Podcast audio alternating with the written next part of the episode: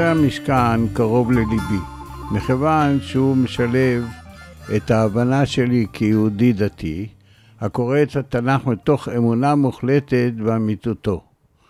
עם הידע שלי כבעל מלאכה ועם ניסיוני בהובלות. אוקיי, okay, אז uh, שלום לכולם, אתם uh, על הפודקאסט מאחורי הכריכה, הפודקאסט של הוצאת ספרי ניב.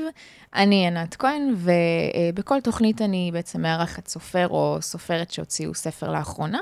והיום אני כאן עם מרדכי בר דרומה. היי מרדכי. היי. מה העניינים? טוב מאוד. הכל טוב? הכל מצוין. אה, אז בעצם אה, הקראנו, הקראת קטע מהספר שלך, שיצא ממש לאחרונה, שנקרא "ובנסוע המשכן, חידת המשכן, בנייתו ונשיאתו". אה, אני קצת אספר עליך, אתה בעצם מקבוצת יבנה, אתה גדלת שם, נכון? ואתה שם עד היום. אני נולדתי, נולדתי שם, שם, כן, וגדלתי כן, שם. כן, ואתה שם עד היום. ואני שם, ואשתי משם, היא גם נולדה שם, והילדים וואלה. שלי ממשיכים את המסורת. כולם והנכדים מהקיבוץ. שלי ממשיכים וואלה. את המסורת, ברוך השם. יפה. Uh, ואתה ניהלת שנים uh, רבות את המסגריה נכון של הקיבוץ. מאוד. Uh, היית גם נהג משאית לפני כן. זה. ואתה ארכיאולוג בהשכלה. נכון, נכון? מאוד. אה, טוב, אז אה, בוא נדבר על הספר. בוא תגיד לנו ככה במה הוא עוסק. הספר הזה הוא למעשה בא לספר את הסיפור של משכן בני ישראל שליווה אותם במדבר במשך 40 שנה. שבאים וקוראים בתורה, בספר שמות, חמישה פרשיות, או יותר נכון חמש פרשיות, קוראים, והדברים הם טכניים, והם משעממים וקשים, ואנשים אוהבים, יאללה, לגמור את זה, ונתחיל אה, הלאה, אה, ספר חדש במדבר. אז מגיעים לבמדבר, ושוב נתקלים בפרשת במדבר, בנדודים במדבר, ובמשכן, הוא בנסיעה של המשכן, איך המשכן הזה נוסע ואיך התחלקה העבודה. אני חשבתי לעצמי, כאשר אה, גמרתי להיות נהג משאית, נלך שנה לישיבה וקצת אה, נלמד ונבין קצת מה קורה מסביבי, כי אם החלטתי להישאר בקיבוץ דתי, אז גם נעשה עבודה יסודית ונלמד קצת יותר ממה שלמדנו בבית ספר. תוך כדי שאני מעלעל בדפי התלמוד, אני נתקל שוב פעם בתופעה של המשכן, זה במלאכ... במסכת שבת, פרק הזורק, ואני הרגשתי שמשהו אה, לא ברור לי. ישבתי והתעמקתי עד אמצע הלילה יום-יום אחרי לימודים, והתחלתי לכתוב, וראיתי דברים מוזרים מאוד. ראיתי בתור נהג משאית, הרי רק סיימתי להיות נהג משאית על טריילר גדולה. והחלטתי שאני צריך לבדוק את נושא המשקלות. המשקולות? המשקלות. המשקל של העצים, של האדנים, כל מה שמסופר שם. רגע, בן כמה היית אז? אז uh, הייתי בן 40 והייתי בחור צעיר עוד ו... לפני 30 פלוס שנה. 30 פלוס שנה, כן. ואמרתי לעצמי, אני, שגומר את הישיבה, יש uh, עוד שני חברים שגרים בשכנות אליי, נעשה חברותה ונלמד לבד. ולמדנו לבד, ואני הייתי שקט. כי מה אני על יד החברים שלי שיותר מנוסים? אז הגענו לפרק של המשכן, ואז אני אומר, רגע, עכשיו אני אכין בבית את השאלות שלי, ונשאל. תשאל את החברים בעצם? נשאל את החברים, כי מי אני שאני אתחיל עם יותר mm. מחברים? Mm-hmm. התחלתי החבר... עם החברים, והחברים אמרו לי, רגע, אנחנו לא יכולים לתת לך, אנחנו לא יודעים בעצמנו. Mm. אז הרגשתי את עצמי חזק ושוחה בעניין של המשקל. רגע, אבל מה, מה בדיוק שאלת אותם ומה הם לא ידעו? שאלתי אותם אם הקרשים במידות שמציינת הגמרא, אז משהו פה לא ייתכן, כי הלכתי ולמדתי את המשקל הסגולי שלהם, והמשקל הסגולי כל כך גבוה, שכל קרש מעל טונה, טונה וואו. 200. והרי כתוב שבסך הכל שש עגלות ו-12 שברים משכו את כל המטען הענק הזה. אין מצב שזה בעצם... אה, אין קרה. מצב שדבר כזה יכול להיות. אז התחלתי להתעמק. ולזה אתה ו- קורא בעצם חידה, נכון? נכון, לדבר הזה. והחברים שלי אמרו, עלית על משהו יפה, Mm. אנחנו לא יודעים, תכין את בעצמך שיעורי בית, Hmm. ומה שתמצא, תספר לנו בשבוע הבא מה מצאת, ונתחיל לדון בזה באופן רציני. אז איפה התחלת לחפש? אז התחלתי לחפש ספרים שיגידו לי את הצפיפות של החומר, משקל הסגולי, זאת אומרת, קודם כל למדת את החומר. את החומר. אוקיי, את הפיזיקה הייתי- של זה. את הפיזיקה. ואחר כך היית- את המידות, מה זה אמה? כי ההבדל בגודל האמה משנה את הנפח של האמה המעוכבת, ואת זה צריך להפוך אחר כך למטר מטר מרובע, זאת אומרת אה, מעוקב, זאת אומרת כמה קוב. מהמם.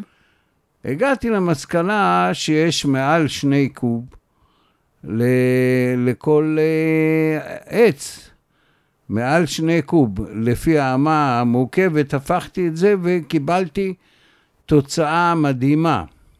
בכלל, עץ כזה בממדים האלה, יש רק לאורך הנילוס.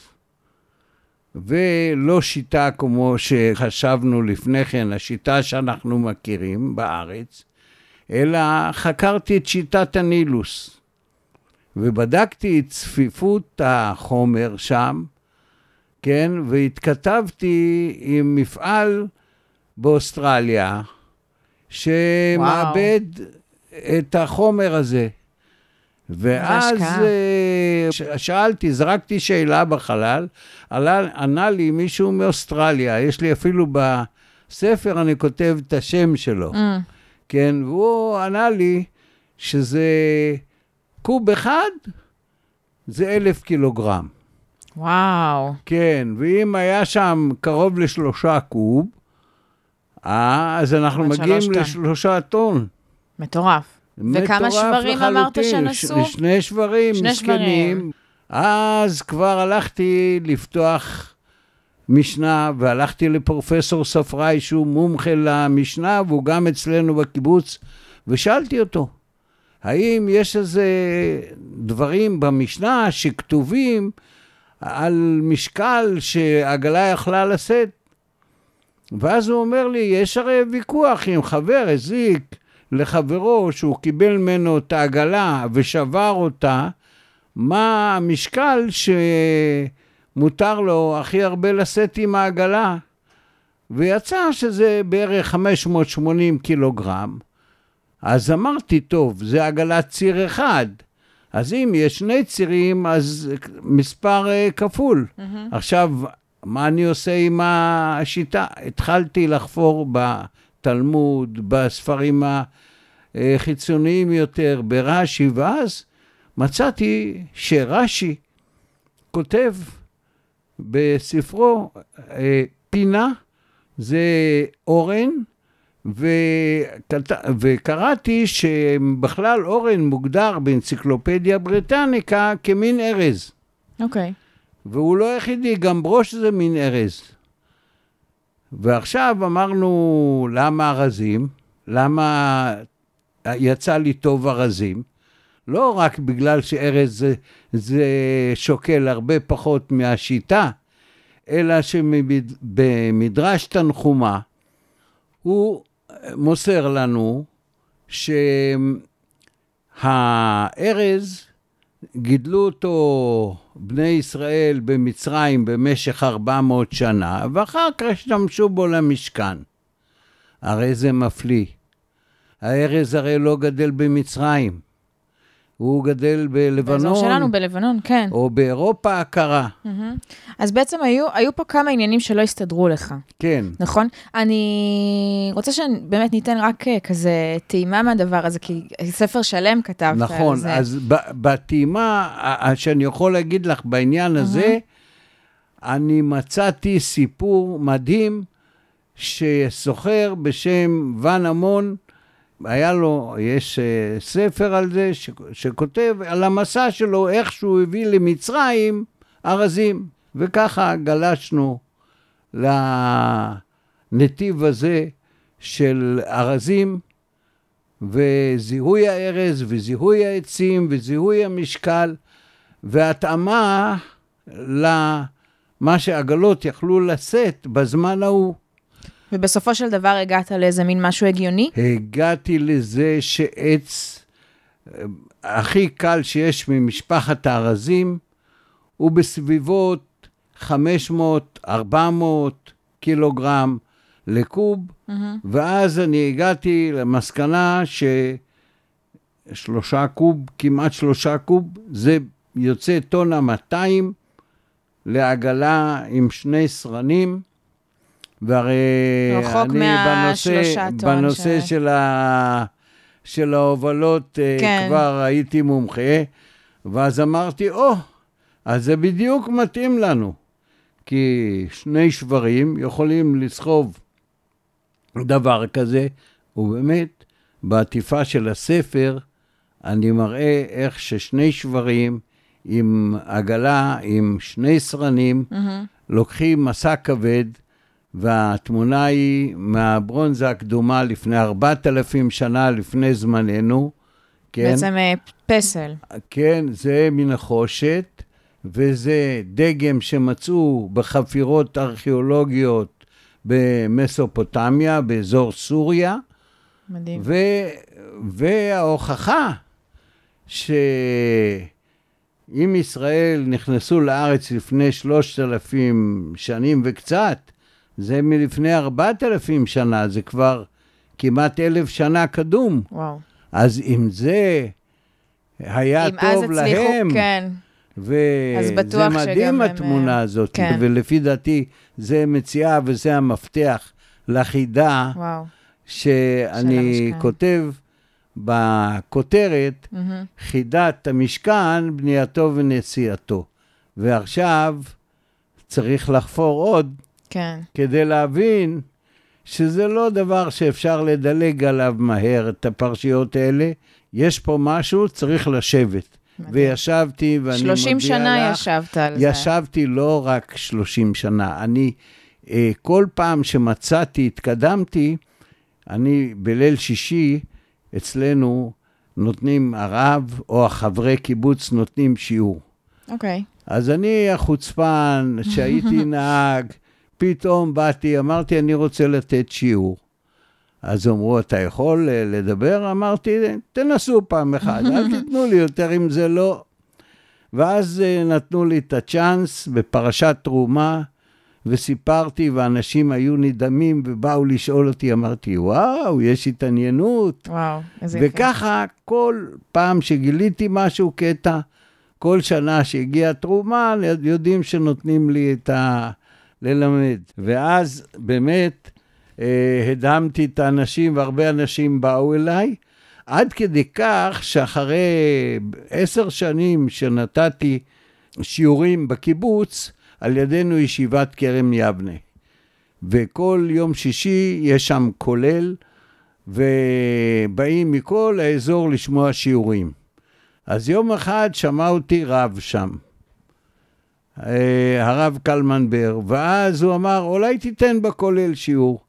מי אני? אני אתן לכם שיעור. אתם התותחים ואני בסך הכל מרגמה קטנה, מה אני יכול לתת לכם שיעור? Mm. אותו דבר שאמרת אנסה." על החברים, אגב. כן, אז אני אנסה. ונתתי להם, והם שאלו, והיה שיעור ארוך כפול ממה שנותנים וואו. תמיד, והם לא נתנו לי לרדת, עוד וואו. שאלות ועוד שאלות. ומהשאלות האלה למדתי מה אני צריך ללמוד עוד. כן. וככה במשך היה השנים כל כך הרבה ללמוד. אה, אה, הסתקרנתי. עד שיום אחד באתי ואמרתי לאשתי, את יודעת מה, אני אלך ללמוד ארכיאולוגיה. אה, למדת את זה תוך כדי ה... כן, אני, אני ביקשתי על יד העבודה גם שייתנו לי יומיים בשבוע ללמוד. ולאט לאט ככה למדתי שמונה שנים. וואו. ועשיתי תואר ראשון, והתחלתי להתעניין בתואר שני, ולמדתי אה, איג'יפטולוגיה, למדתי את האומנות המצרית אצל אה, מורה ארלט דוד, והיא שואלת אותי, למה חשוב לך דווקא הנושא הזה? זאת בדיוק השאלה שרציתי לשאול. אז... למה זה מכל הנושאים, וגם זה לא סתם uh, קראת על זה ספר, 30 שנה התעמקת בדבר הזה. כי אמרתי, זה לא יכול להיות שבמספר כל כך קטן של עגלות, הבילו את המסע הזה, זה לא יכול להיות. אבל תגיד, אין עוד דברים uh, בתנ"ך או בגמרא שהם uh, משונים נכון, ולא מסתדרים? נכון, אבל פה ראיתי שיש כן פתרון. זאת אומרת, הרגשת שיש פתרון? אמרתי, צריך רק למצוא מפרש אחד שיגיד כמוני שזה לא יכול להיות.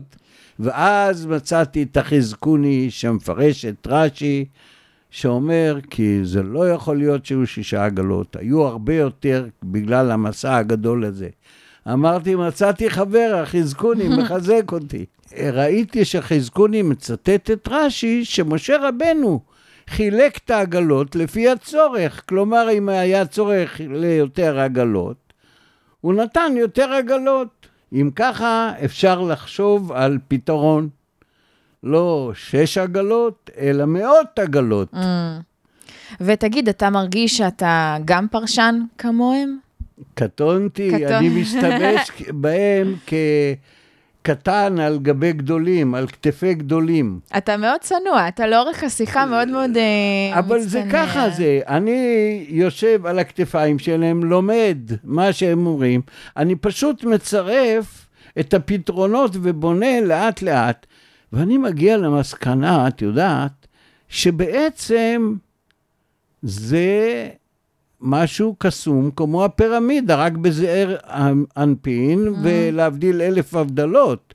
זה הפירמידה, זה הבית הסופי של פרעה, והמשכן זה הבית של המפגש בין בני ישראל לקדוש ברוך הוא, שכתוב שיום יום הוא ליווה את בני ישראל במשך 40 שנה. אם ככה, יש להתייחס אל זה בכובד ראש. מה, למה זה דומה לפירמידות? במה זה דומה? בתחכום. בתחכום, אוקיי. בתחכום. יש במשכן כל כך הרבה חוכמה וכל כך הרבה קסם, עד שחכמים בעצמם באו, ומה שלא הוסיפה התורה, הוסיפו החכמים. אני אתן רק נקודה אחת קטנה. Mm-hmm. שלמעשה ראוי שאני אגיד אותה בסוף הראיון. אז אולי נשמור את זה לסוף? אז נשמור לסוף. נזכור, נזכור, נזכור את זה. כן. Uh, רציתי לשאול אותך, אתה זוכר את ה...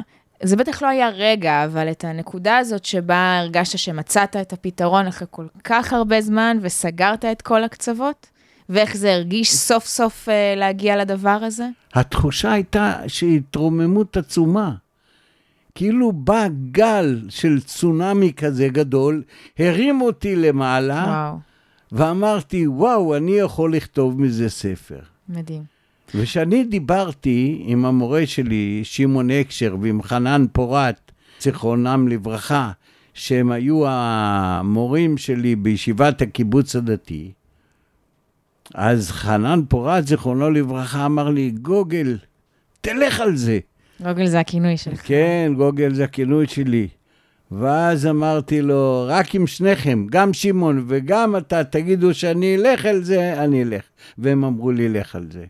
ואז אמרתי לאשתי, את יודעת, דיברתי עם שמעון הקשר וחנן פורת, זיכרונם לברכה, אז עוד הם היו בחיים, הם אמרו לי שאני יכול uh, לעשות מזה ספר, אז היא אמרה, אתה אתה תלך לעשות את הדברים האלה. בחייך, תשאיר את זה לאנשים גדולים. Mm. אמרתי, תשמעי, לפעמים אנשים הם קטנים, ואחרי שהם פותרים משהו, אז הם נהיים גדולים. וואו, כן. אז היא נתנה לי אתגר שהיא, חושב, שהיא אמרה, גדול עליך, אז זה היה אתגר שדווקא אתגר אותי הפוך, שזה קטן עליך. שזה קטן עליי. יפה. ואז התחלתי לעבוד קשה. הספר הוא לא אה, מנופח, הוא לא גדול, לא, הוא הוא ספר די קצר, צנוע. הוא די קצר, נכון. כן, והוא כתוב יפה. אבל זה לא החוכמה להכניס עוד דפים. יכולתי להכניס עוד דפים ועוד דפים. אני עשיתי את זה קצר ולעניין, לפי דעתי, וכדי שאנשים לא ייתקלו שוב בהמון גודש של מספרים וזהו, את המספרים ואת החישובים עשיתי בנספחים בסוף, הוצאתי Mm. אותם מהתמונה ונתתי לאנשים לרוץ עם הספר, ובאמת התגובות היום על, על זה שזה פתאום מוגש לאנשים כמו אוכל מוכן על השולחן, וזה מגרה כל פעם שאנחנו פותרים שלב אחד, נשאר לפתור עוד שלב. כן. ולאט לאט מגיעים לפתרון הסופי. אגב, אה, תגובות, אמרת לי לפני כמה שבועות הייתה את ההשקה של הספר. כן, כן. וקיבלת שם כמה תגובות מאוד אה, מחממות לב, נכון? כן, אה, היה הרב עופרן, הרב אילי עופרן, שהוא הרב של הקיבוץ שלנו, מהמם. ואמרתי לו, אולי אתה מוכן לקרוא ולכתוב משהו על הספר? והוא אמר לי, אתה יודע מה, אני מוכן לשתף פעולה. מהמם. ואמרתי לו, מה זה מוכן? אתה מוכן לדבר ראשון בהשקה? בהשקה. כי ברגע שהוא אמר כן, ידעתי שיבואו מהקיבוץ, יבואו מכל מיני מקומות. כי אם לא בשבילי, אז לפחות אז. לשמוע אותו. אז גייסתי אותו למבצע הזה, מהמם. והוא התחיל אה, סופרלטיבים וציונים, ו- ולדבר כמה מחבר הוא, מי יודע מה. ואז אני הסתובבתי, אמרתי, למי הוא מדבר? לעזאזל, אני לא מבין. אלא, אני מסתכל אחורה, אני אומר, תגיד לי, למי אתה מדבר? וואו. לא, לא, לא חיכיתי לדברים כאלה. באמת, זה היה בשבילי... אל תשכחי שאני בא משנים כאלה שבקיבוץ לא היה בגרות ולא היה זה, והייתי צריך ללמוד לבד כדי אה, להיכנס לאוניברסיטה. ואמרתי, טוב, אני מתחיל להצליח, אז בוא... זה רק חימם אותי, כל לימוד שלי כל כך חימם אותי, כל כך אהבתי ללמוד. כן, לא אתה ידעתי. גם מאוד אוטודידקט, אתה מאוד אה, יודע ללמוד לבד. נכון, אני אוהב ממש. ללמוד לבד, כן. ואני אוהב להכין עבודות, וכל עבודה שנתנו לי באוניברסיטה, עשיתי מזה אה, ספרון קטן. וואו, מדהים. כי, כי זה היה מעניין אותי, לא בגלל שהייתי חייב. פשוט סקרנות כזאת, כן. אה, אהבה ללמידה. כן, כן, ואז תפסתי נושא כן, לאורך ולרוחב ולמדתי, ואני מאוד נהניתי מהלימודים. איזה כיף. תגיד, קיבלת כבר תגובות מאנשים שקראו את הספר? כן, כן, קיבלתי הרבה אומרים? תגובות. אני, שוב פעם, אני רוצה להישאר צנוע. אני רוצה... כמו לאורך כל הראיון. כן, אני לא... אני באמת קיבלתי סופרלטיבים, באמת קיבלתי רק שבחים, איזה כיף. ופתאום אה, הרגשתי למחרת ההשקה שאני, עננים נושאים אותי. וואו. אבל מהר מאוד ירדתי לקרקע. למה? תחושה אה, כיפית. כן, התחושה הייתה כיפית, אבל החוכמה לדעת ללכת על הקרקע, האדמה, כן. על הקרקע, ולא להרגיש שמי יודע מה, בסך הכל אנחנו בני אדם. נכון. איך אה, אומר? רצינו להגיע הביתה בשלום. כן. למי הספר מיועד? מי הקהל יעד? הספר מיועד לכל מי שמעניין אותו מה כתוב בין השורות Mm. בנושא המשכן, מה אפשר ברגע שחוקרים דבר כזה שהוא חסר לו הרבה פרטים ומשלימים את זה מחז"ל וחוקרים וחוקרים, אז רואים בעצם שיש פה דבר מאוד מעניין, אבל מה, הוא מוחבא בגיבובי מילים בלי סוף. כן. ובעצם אתה לא פירשת את זה, אבל הנגשת את זה. נכון? הנגשתי את זה. הנגשתי את זה ולקחתי את הפרשנים שמתאימים לי. כן, בדיוק. אני לא לבד. כן. אם אני צריך להזיז משקל כזה גדול שמזיזים במשכן, אני כן. צריך לגייס אה, כל נדיב לב, כמו שכתוב שם במשכן, בפרשת תרומה, כל נדיב לב, כל מי שמוכן לתרום מהידע שלו, אני קונה. יפה. אז האמת ש, שאם כבר, אז אני רוצה לשאול אותך שאלה. אה, אני שואלת ככה את כל הסופרים שלנו. אה, אנחנו ככה לקראת סיום, זו שאלה לסיום. יש לך איזה... יש לי עוד חוב. אני זוכרת, אני זוכרת. אז אחרי השאלה הזאת, החוב... כן, ואת- כן, כן. אה, יש לך איזשהו טיפ לסופרים מתחילים? אה, בתהליך של הכתיבה, של המחקר, של ההוצאה? לא כולם עושים מחקר כמוך, יש, אבל... יש לי טיפ, אל, אוקיי. תפ... אל תפחדו. תיכנסו לעובי הקורה, תשקעו בחול, תסחבו כמו השברים שסוחבים Mm. את העגלות בחול. אל תפחדו. אני ישבתי לפעמים עד אמצע הלילה. וואו. אני כתבתי ומחקתי ומחקתי וכתבתי. אנחנו בעידן המחשב. כן. הכל יותר קל, לא נכון. צריך לפרש אותיות שכתבתי כן טוב, לא טוב, יש מחשב. עלתה לי עוד שאלה. מה עכשיו, כשסיימת את זה? מה הדבר הבא? יש איזה אז, משהו? אה, יש לי כבר דבר שתוך כדי אני התחלתי גם בעוד דבר. אני התחלתי לכתוב על החיים שלנו בהלנה של הקיבוץ. לא הרבה כתבו על הקיבוצים הדתיים, איך ששמה היה הוואי של הלנה בבתי ילדים, Mm, ולהיות שעתיים ביום אצל ההורים. כן. ואני כותב על זה, ואני לא כותב מהצד של אה, בכיינות, אלא דווקא של חיים אה, נהדרים וחיים אה, נחמדים וכל מיני חוויות שהיו לנו. אני לא מחפש את המסכנות, לא היינו מסכנים. אז זה הפרויקט הבא. זה הפרויקט הבא. ויש איזה חוב, נכון? משהו שרצית כן, לדבר עליו. אני, כשאני אמרתי על המשקלים הרבים, אז uh, מצאתי שחכמים אומרים שהציפוי הזהב בקרשים היה כעובי דינר. עובי דינר זה עובי מאוד uh, גדול. אם תיקחי עובי דינר על נפח של העצים האלה, את מגיעה ל-400 קילו זהב לכל קרש. כבד. אז, גם ככה כבד. אז 400 קילו, אנחנו מגיעים ב-48 עמודי המשכן למעל אה, 19 טון. וואו. 19 טון בזמן הקדום של זהב, זה משהו מדהים. לכן אני אומר שזה למעשה אה, מעניין, כמו הפירמידות לפחות. Mm, ואם היה לנו את הספרים שנשרפו באלכסנדריה על ידי הנוצרים והמוסלמים, אז אם היה לנו את הספרים, אולי היינו יותר חכמים. כן. חשוב לחקור ולחפש גם היום שאין את הספרים, ולראות שהתרבות המצרית, כן, שעליה מבוסס כל סיפור יציאת מצרים, היא חשובה מאוד להבנת השפה של המשכן. יפה. Uh, טוב, אז מרדכי, uh, נגיד את השם של הספר שוב, uh, ובנסוע המשכן, uh, חידת המשכן, בנייתו ונשיאתו.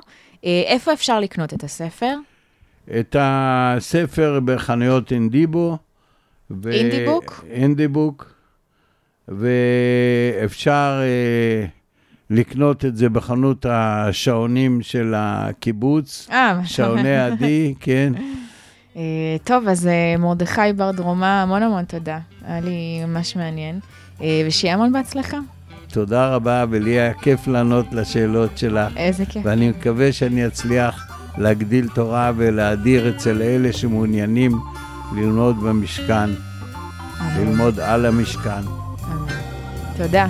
ביי ביי.